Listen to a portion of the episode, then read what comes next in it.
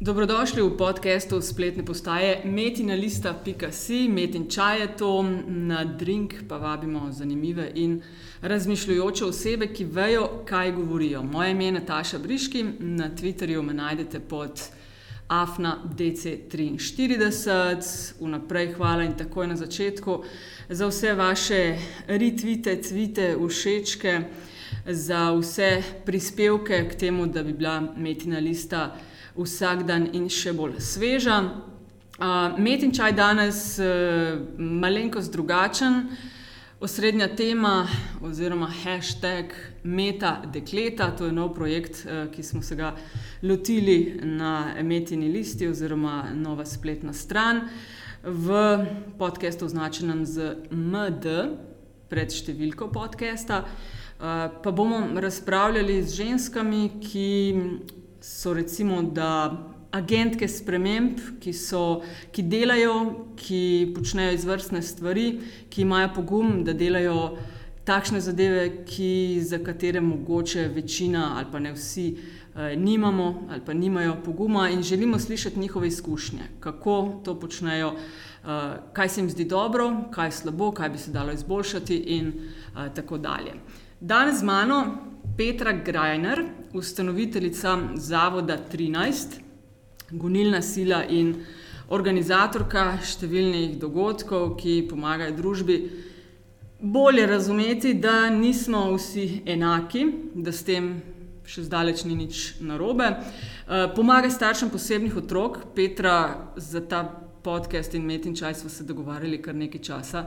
Uh, blazno si zasedena, imam prav. Hvala, enako. A sem uh, v redu opisala na začetku, uh, je opis takšen, da stoji, da je na mestu? Ja, všeč mi je bilo, ko si rekla uh, starše posebnih otrok. A, Zakaj? Ja, zato, ker veš, da jaz ne maram otroci s posebnimi potrebami, ker imamo posebne potrebe vsi. Ne, da se bi slepila, da moj otrok nima posebnih potreb, ampak mi ni všeč ta besedna zveza in uporaba in zato rečem posebni otroci ali pa potem tudi posebni starši in to se potem drugim zelo fajn zdi. Ne? Ker ponavadi, ko dobiš takega zelo drugačnega otroka, na vsakem koraku slišiš, kaj je vse z otrokom narobe. Pa je to pravi balzam za dušo.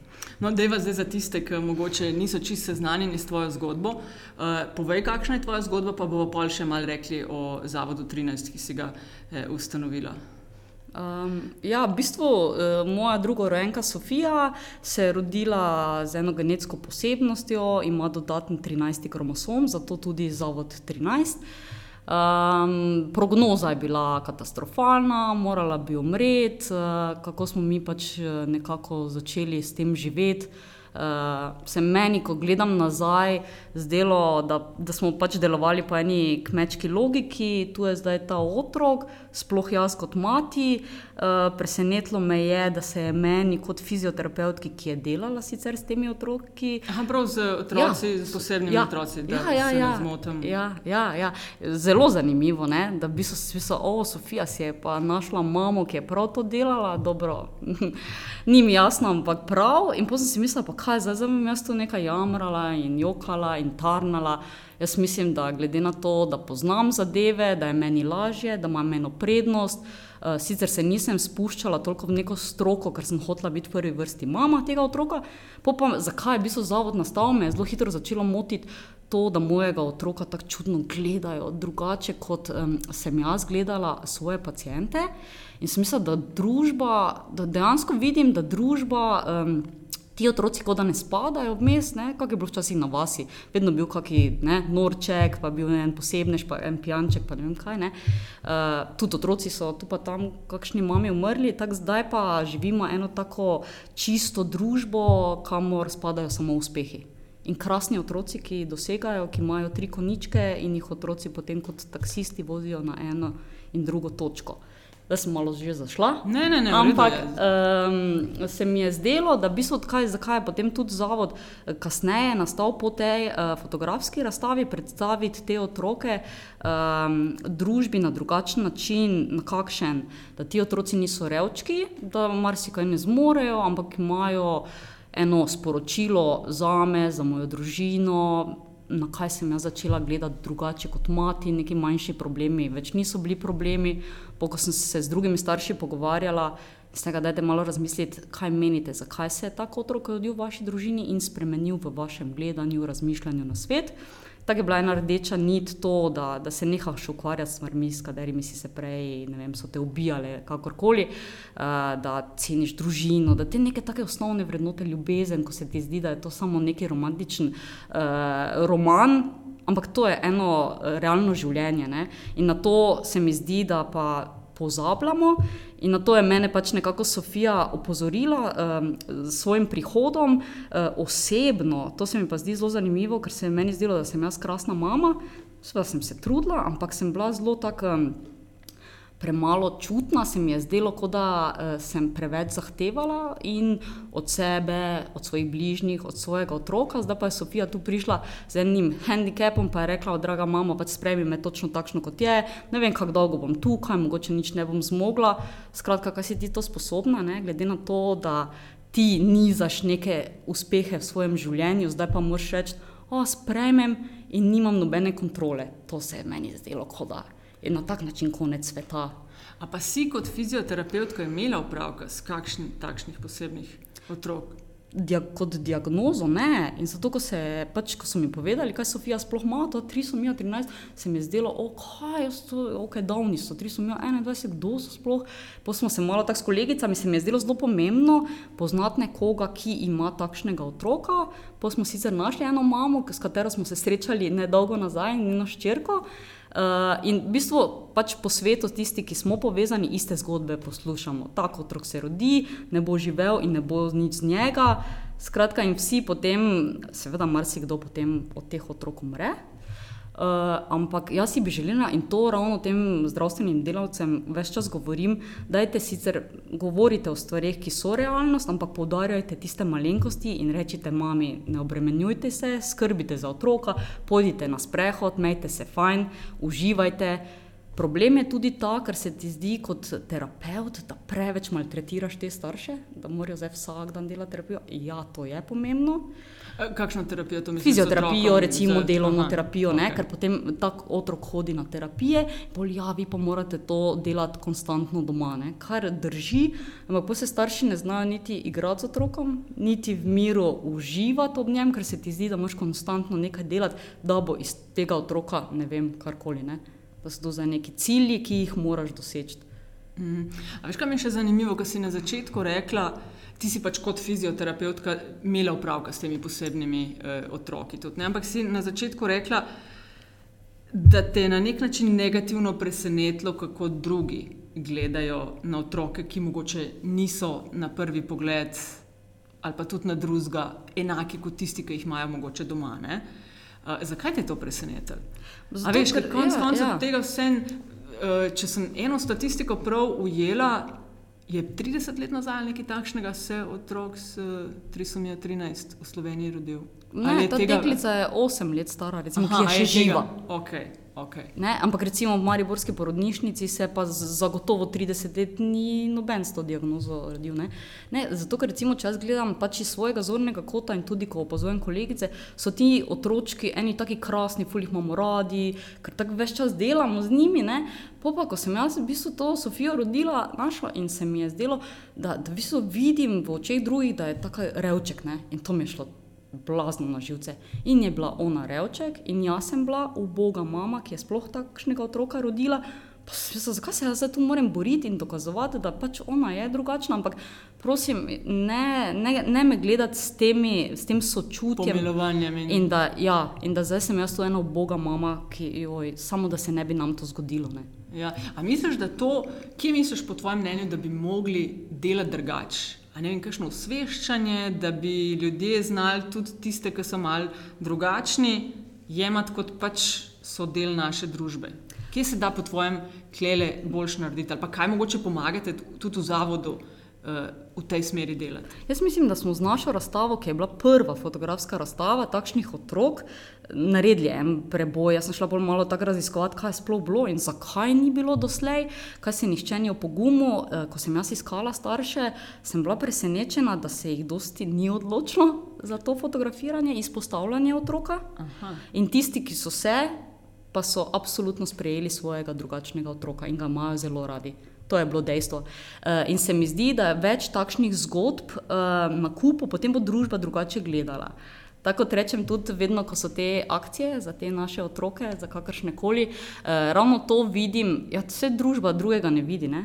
Ja, zdaj pomagamo temu revčku, ker nima tega, pa nima denarja za terapije, pa potrebuje ta pripomoček. Ma ja, treba pomagati, ampak dajmo to sistemsko urediti, ker to potem družba vidi samo, da so res revčki. In zato pač naš zavod deluje drugače. Mi tudi eh, pač organiziramo recimo enkrat letno koncert, ampak to je koncert za naše prijatelje, podpornike, e, imamo darila za te mame, za te, ki, nas, eh, ki nam kaj donirajo. Ne vem, kaj v smislu, mi vam to vračamo, zato ker si ne želimo, da bi nas gledali, zdaj pa, joj, tu so zdaj ti ubogi in zdaj pa zato, da bo nam lažje, tu imate, ne vem, 10 evrov meni je lažje, vi pa boste, ne vem, ker to potrebujete. Jaz tega ne potrebujem. In se mi zdi tudi mamam, ki so nekako, recimo, recimo v naši sredi, veliko krat, um, kaj rečejo. Ne? Jaz imam rada tudi predavanja ali pa stvari, ki so izven stroke. Izven tematike naših otrok, mi potrebujemo še kaj drugega, ja, ne samo strogo. Zato pa vidim, da zakaj določena društva, bom tako ne rekla. Mi niso blizu, ker potrebujejo ta problem, potrebujejo to diagnozo otroka, da se s tem ukvarjajo. Mi pa ne, diagnoza ni pomembna. In super, vkolikor, mislim, da je mo gledati tisto, kaj lahko dobro, dobro biti za vse nas naredimo. In mi tega problema za delovanje ne potrebujemo in ne trkamo na vez drugim, da bi zdaj mi finančno bili bolj uspešni. No, ki si ravno pri tem, ne, eh, ne morem, da ne bi omenila, sploh ali jaz mogoče malo bolj opažam, ampak verjetno tudi kriza, konec koncev, naredila nekaj v tej smeri. Ogromno enih dobrodelnih dogodkov. Sama si omenila tudi za otroke, ne vem, ta terapija, una terapija, tretja terapija. Uh, kakšen odnos imaš ti do tega? A se ti na vse neki si malo ja, že ja, ne, pač, omenila, ne? Eh, meni je pač žal, ne, v tem smislu, jaz tudi podprem ne, določeno stvar, ampak se mi zdi nepotrebna, zato ker je treba zadevo urediti, to na državni ravni. Uh, je mogoče to samo tista cokla, da tisti, ki bi mogli te stvari sistemsko ja, urediti? Ne, ker mi pač tudi smo tako solidarni, ne, poplave, skozi nekaj, ne, skozi se za nekaj zbira. Ne. V bistvu se pa sistem ne uredi in tu, tu bi morali enkrat en res narediti, da bi se stvari uredile, uh, naj se pa podpirajo stvari, kot so kultura. Vem, Ampak kaj v sistemu? Se tebi zdi, da ni urejeno? Ja, konkretno, če jaz, jaz sem bolj uh, izhajala iz tega, da jaz želim pomagati materam takoj po porodu, ker sem jaz sama rodila Sofijo, tam sem bila prepuščena sama sebi, kot psihologinja, ok, Mariborska porodnišnica jo ima, pa je jaz nisem videla, gremo obe skupaj v Ljubljano, na pediatrični se prvič po treh tednih srečam s psihologinjo, ki me vpraša, kako se Čakaj, vidi. Ja. Tri tedne, ja. porodiš posebnega otroka ja. in ne veš. Enega človeka ni bilo, ki bi ti razložil, kaj je, kje si. Ma razložil, ja, v smislu, to je diagnoza.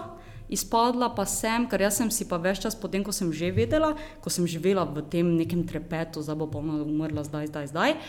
Sem si neko, seveda, bariero naredila, pa sem rekla, ok, zdaj bom pa jaz tu vas prenašala, ker vas je težko prenašati. Dajte mi že tega otroka, da spakirava domov in bom doma dalje se vsi uredila, imamo pediatrino, če je potrebno, če ne, ni. Uh, jaz sem si bolj želela to, da bi se nekdo z mano sedel in ja, ne, kako se vi počutite, povejte uh, te neke stvari. Takrat ti stroka niti, se, se ti je vseeno. In da psihološki podpor. Tako, ne, in zato sem potem jaz tako nastavila stvar. Ne?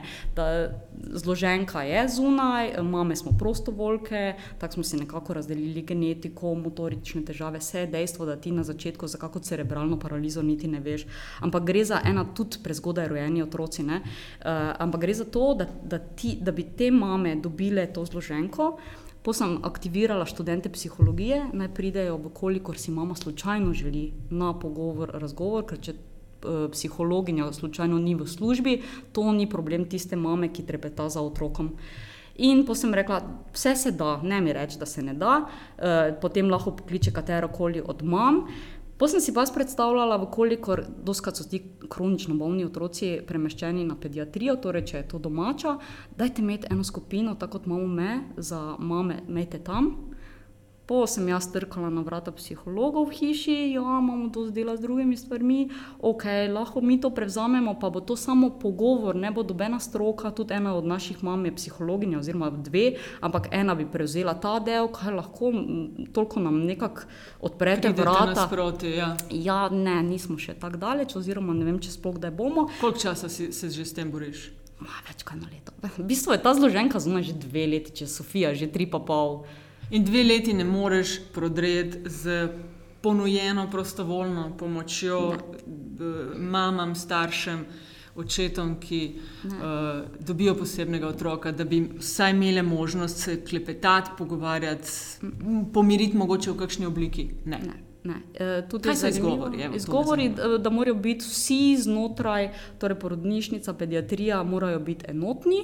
Tudi ko sem jaz vedno šla direktno uh, koga nagovoriti, vprašati. Pove, p, mislim, povedati svoje mnenje. Ne, je bilo potem rečeno, da zdaj pa naj neham nadlegovati posameznike, da bo to šlo iz zgornjega dela piramide navzdol in bomo najprej imeli na tak način sestanek. In bo me zelo bolelo to, ker sem si mislila, vedno znova se ti otroci rojevajo, matere tam trpijo. Jaz vem, kaj sem dala skozi, pa čas pa teče in te mame so še vedno uh, tukaj. Kaj je plus, da nas zdaj že tako iz medijev poznajo? In potem pridejo do nas, da je potem tam ena krasna genetičarka, ki prihaja v ponedeljkih iz Ljubljane, pa je rekla, da suvereno ona bo pa te zloženke delila in jih deli, in me potem mame pokliče. In ravno ta teden sem bila pri eni, ki je zelo blizu nas doma. In je rekla, veš, kako mi je bilo fajn, da si prišla, da si mi po domače povedala to, kar je bilo Sofijo, ni isto kot z mojim otrokom, da me končno nekdo razume, zato ker prijateljica, ki ima tam dva zdrava otroka, ne ve, o čem jaz govorim. Ne? In se mi zdi, zakaj ne bi tukaj šli z roko v roki, pa se v tujini se to dogaja. Jaz ne vem, zakaj se to tako zapiramo, nekaj, no in kaj so pa rdeči noski, ki so tudi krasni za eh, neko. Ne, te pediatrične ustanove, vse mi ne bi bili nič bolj napadalni ali pa eh, slabo namerni, ne, sploh ne. Ampak jaz mislim, kaj jaz opažam. V tem sistemu je problem, ker ti prideš z stvarjo, ki bi jo oni načeloma morali pokrivati, in potem si nekako. Grožnja sistemu. Ja. In boljše, da te ne vidijo, ker vedno znova opozarjaš na stvari, ki niso v redu. Aha, ker bi preveč truda vzeli, da bi sistem, za katerega vemo, da ni dober, za katerega vemo, da rabi spremembe, bi bilo treba vložiti. Ja, jaz sem se že sprašvala, če z mojim načinom ni kaj, mislim, če je kaj narobe, ker je preveč neposreden, direkten. Uh, pa jaz mislim, da, da nič ni, ste, mislim, jaz sem se potem že sama sabo pomenila, da z mano nič ni narobe, da, da to se bo še dalje dogajalo, kar je žalostno, čeprav uh, verjetno ta neka nova, mlajša generacija bo tukaj pustila malo več manevrskega prostora in bo videla prednost v prostovoljnih nekih takih akcijah in pomoči. No. Da to ne rabi biti vedno neka samo stroka. Mama potrebuje eno takšno, ki je dala vse to skozi in jo razume. Mm. Uh, kakšen je pa v tem pogledu uh, ustanove, recimo za otroke, za posebne otroke?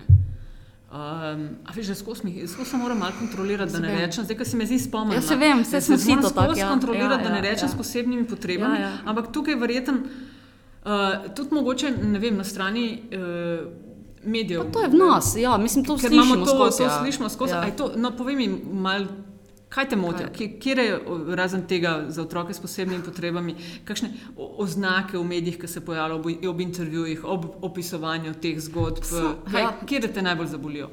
To, ta žaljive? otroček in ona fotografija zraven, ker je neka akcija za tega otročka, še mogoče, ko ima rokice skupaj in tisti mili pogled, da ta otrok potrebuje pomoč. Meni se zdi to nepotrebno na tak način prikazovati.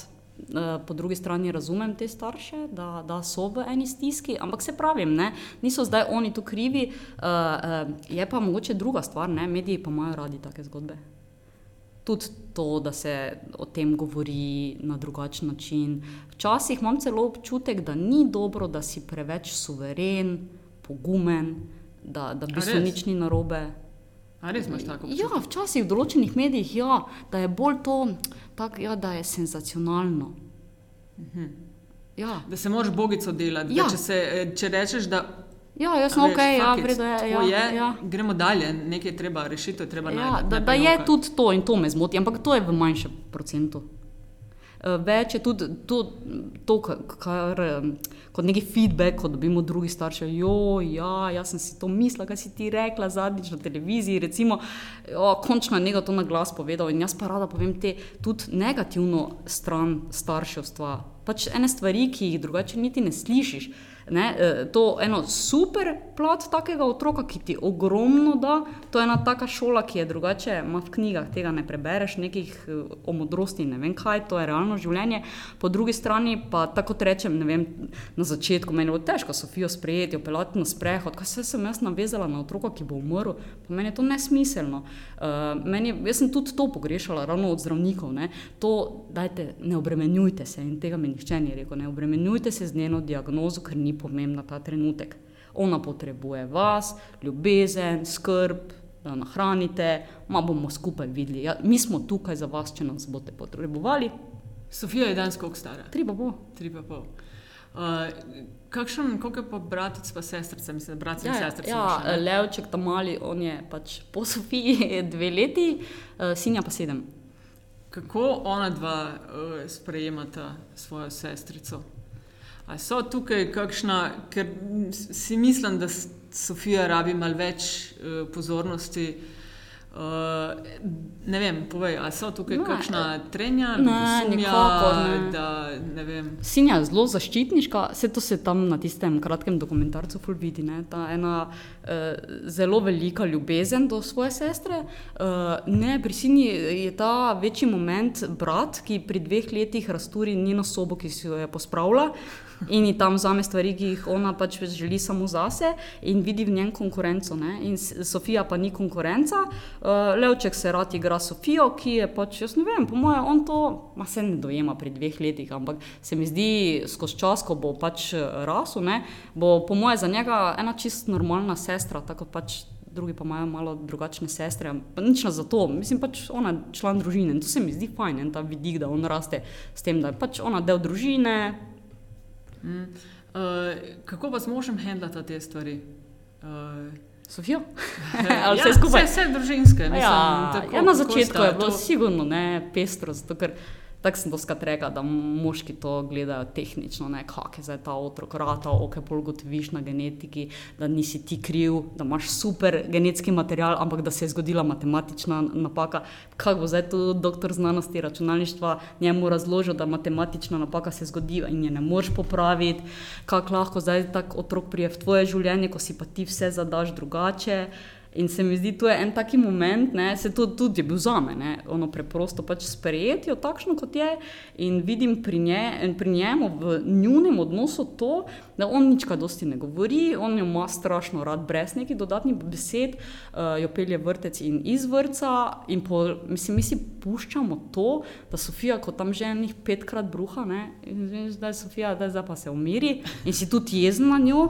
Ne, to mi je všeč, da v bistvu smo tako sproščeni doma in imamo črn humor glede te smrti. Mislim, ej, Sofija, ti si že toliko stara, pa kaj niso rekli, da si ti umrla. Ne? Mislim, ko frajerka, si je, fa, nimaš težav s srcem, pa imaš dve luknjici, dobro, ti to handlaš. pa tako. Se mi zdi to zdravo, da ne rabimo fini biti, ne, v smislu drug pred drugim. Uh, drugače pa jaz tudi rada mamam povem, da enkrat na leto grem vedno k psihologinji, v smislu malo, daj, dajmo se malo pomeniti, kaj sem jaz mogoče preveč kul, cool, pa se kaj skriva kje.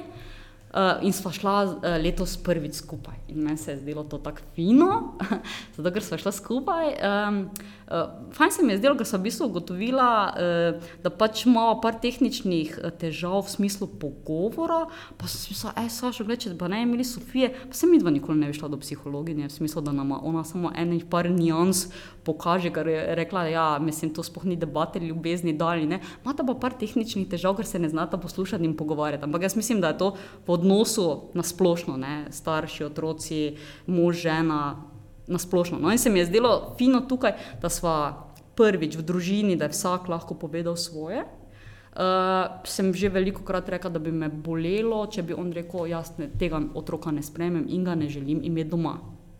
Pa to bi mi bilo grozno, meni se zdi krasno, peljejo, mislim, nobenem od nas ni neprijetno. Uh, kjerkoli, kamorkoli Sofijo peljati, to bi mi bilo, da bi, uh, to, torej, če smo mi družina, ne, da bi bilo komu od nas neprijetno, da imamo Sofijo, recimo, pred drugimi ali kaj. Mislim, to bi mi groza. Ne? Ampak, no, še Sofija, ja, sicer tam, kaj se more dreti, ja, samo tudi, ko se lev dere, reče, ojoj. Ne, je čist isto, Lev, Sofija, ni za to neke veze, ne, ja, ja. drugačnosti. Ja. Uh, a veš, kaj se mi zdi, to, mislim, če bi imela kapo, bi jo dala dol. Totalno sta pogumna, ampak, a veš, ne, ja. sta, a veš, veliko, jaz bi rekla, mislim, vsi. Da je vse, a veš, mislim, tako, kar rečeš. Uh, ona je našla najo na nek način. Ne? Mislim, totalno pogumna človeka je vse našla. Ali to, ali to misliš, da, da Če glumim? Prav? Ne, ne, to sploh to vidim. Se po treh letih bo bos, mislim, da bi, ha? Ko je Oskar, je že. Ker ne vem, koliko pa ostali, tako, ko imaš, veš, preko zavoda, ko se srečuješ Aha, s starši, kako handlajo te stvari. Ne? Ker verjetno so različne izkušnje. Ne? Ipak je to nekaj kar se ne zgodi v vsaki familiji, kar je redko. Pa to se mi zdi tudi, uh, kad oskrat omeniš, veš, non-stop si bila soočena s tem, otrok ima to in to, mm -hmm. umrl bo, sprijaznite se, pripravite se. A veš, to. Najlažje je, ne, da se sam s sabo uh, nekako uh, jaz sem si zelo tako uh, funkcionalno pospravila, popredalčkala stvari, takrat potem po Sofiji, ne, v smislu uh, tri tedne po, recimo, ko smo šli iz Ljubljane. In sem jaz takrat tudi, uh, ker je res kazalo, ja, je bil v tem meni zelo motlo, to, ker vse sestre, vsi tam, recimo v Ljubljani, jo, gospod, zelo težka noč je bila. Veste, tako ona bo res umrla. Kaj se vi tega zavedate? Ja, vse je, kaj za naj, kaj se naj že naprej očem, to mi je bilo tako neprijetno. Pa kaj me skozi gnjavite s tem?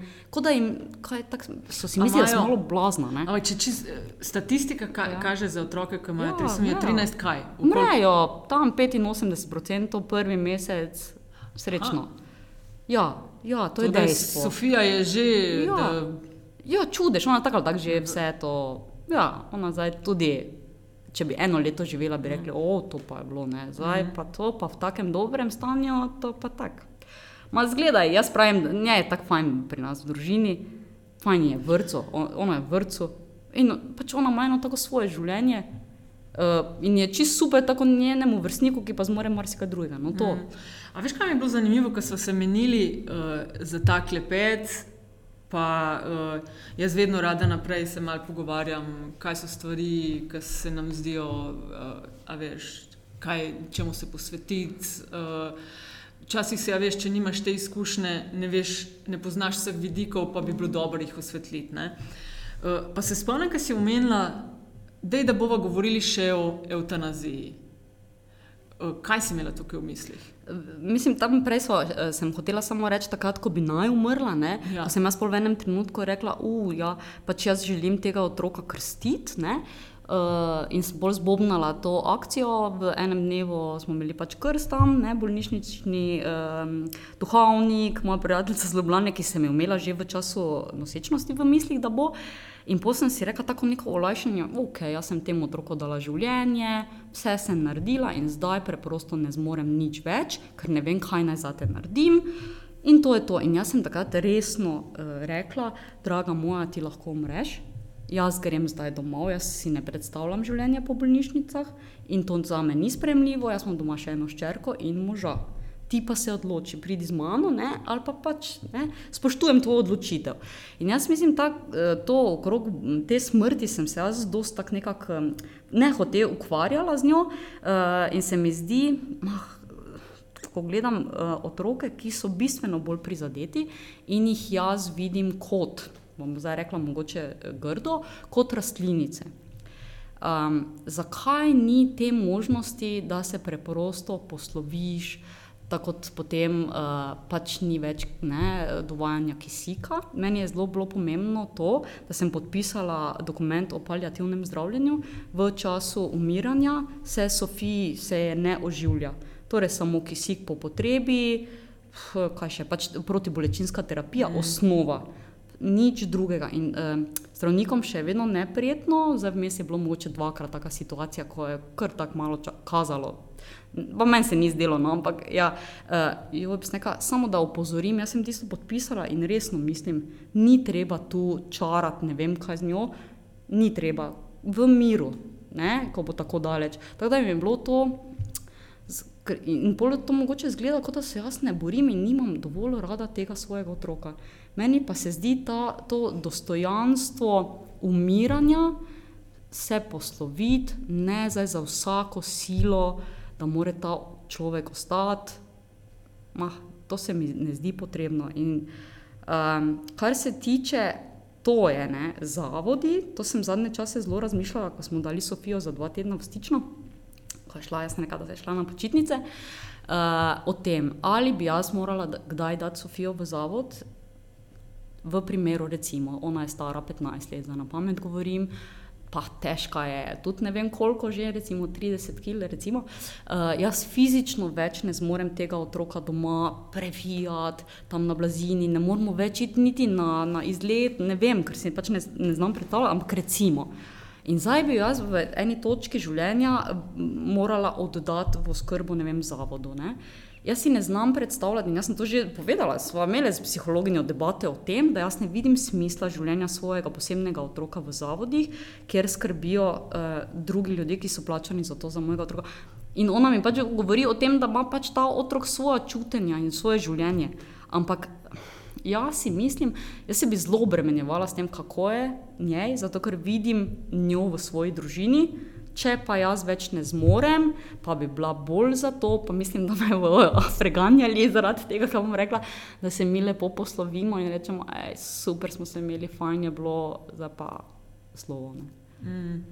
Mogoče, mislim, to je malo teoretično razmišljanje, ampak tudi si ne želim, tako sem rekla, če bi zdaj bila na aparaturah. Ne vem, kaj sem že zdaj jasno povedala. Da, ko bo tako daleč, vemo, zakaj se gre.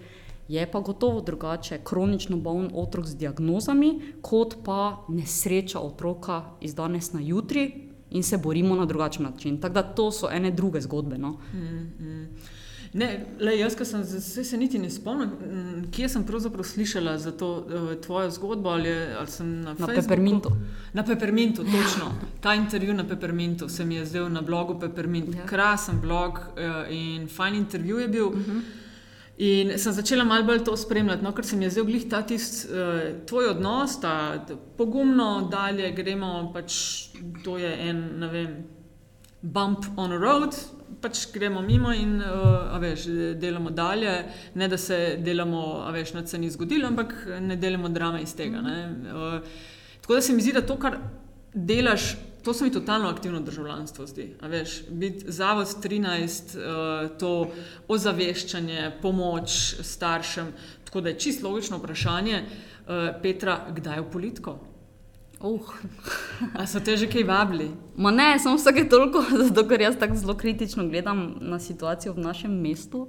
In se jim rečem, jaz sem aktivna državljanka in prebivalka mesta Maribor, jaz ne morem biti tiho. In zato vsake toliko, kaj objavim, takega, um, ker mi ni vseeno. Uh, ampak mi je bilo zelo všeč, kar je rekel moj mož, da ni dobro, uh, da se umažeš. Ne? pomočeno nalepko, v smislu, ali si pod kako stranko. Uh, in pol je rekel, Petra, bi se ti vedno strinjala, ti, ko vedno imaš neki svoj prav, uh, da bi morala trobiti v isti rok. Tako par dobrih vprašanj je imel, ne? ali si, si ti na to vse odgovorila. In posebej mi zdi, da pa aktivnosti, ki jih imamo v zavodu, ma, niso boljši kot uh, politika sama. Ja, se pa nas, veš, na, na meter dekleta strani, ki smo jo uh, postavljali, smo rekli, da ja, veš, politika avtomatsko si razumejo tako in vem, politične stranke, mhm, parlament. Uh -huh, uh -huh, ne, uh -huh. veš, vse oblike točno takšnega civilno-družbenega udejstvovanja ja. so pomembne, so pomembne v vsem tem mozaiku. Ne. Uh, tako da, uh, mogoče pa le boš pa v kakšni obliki uh, svetovalka, točno veš, pri izboljšavah tega sistema, za katerega iz tako rekoč prve vrste ugotavljaš, da v nekaterih segmentih bi lahko uh, deloval boljše. Tako da, uh, Petra, najlepša hvala, čestitam za nagrado za dokumentarc. Uh -huh. Če sem prav videla na Facebooku, par dni. Ja. Nazaj, čist frišno, bomo priložili temu pogovoru tudi, da si bodo lahko pogledali. Ste ponosni ne, na to? Pa ja, ste fajn, fajn ja. delo, fajn projekt. Pisal ja. se mi zdi fajn zaradi tega, ker nismo dobili nič plačano, to je pač bilo tako mimo grede narejeno na eni delavnici.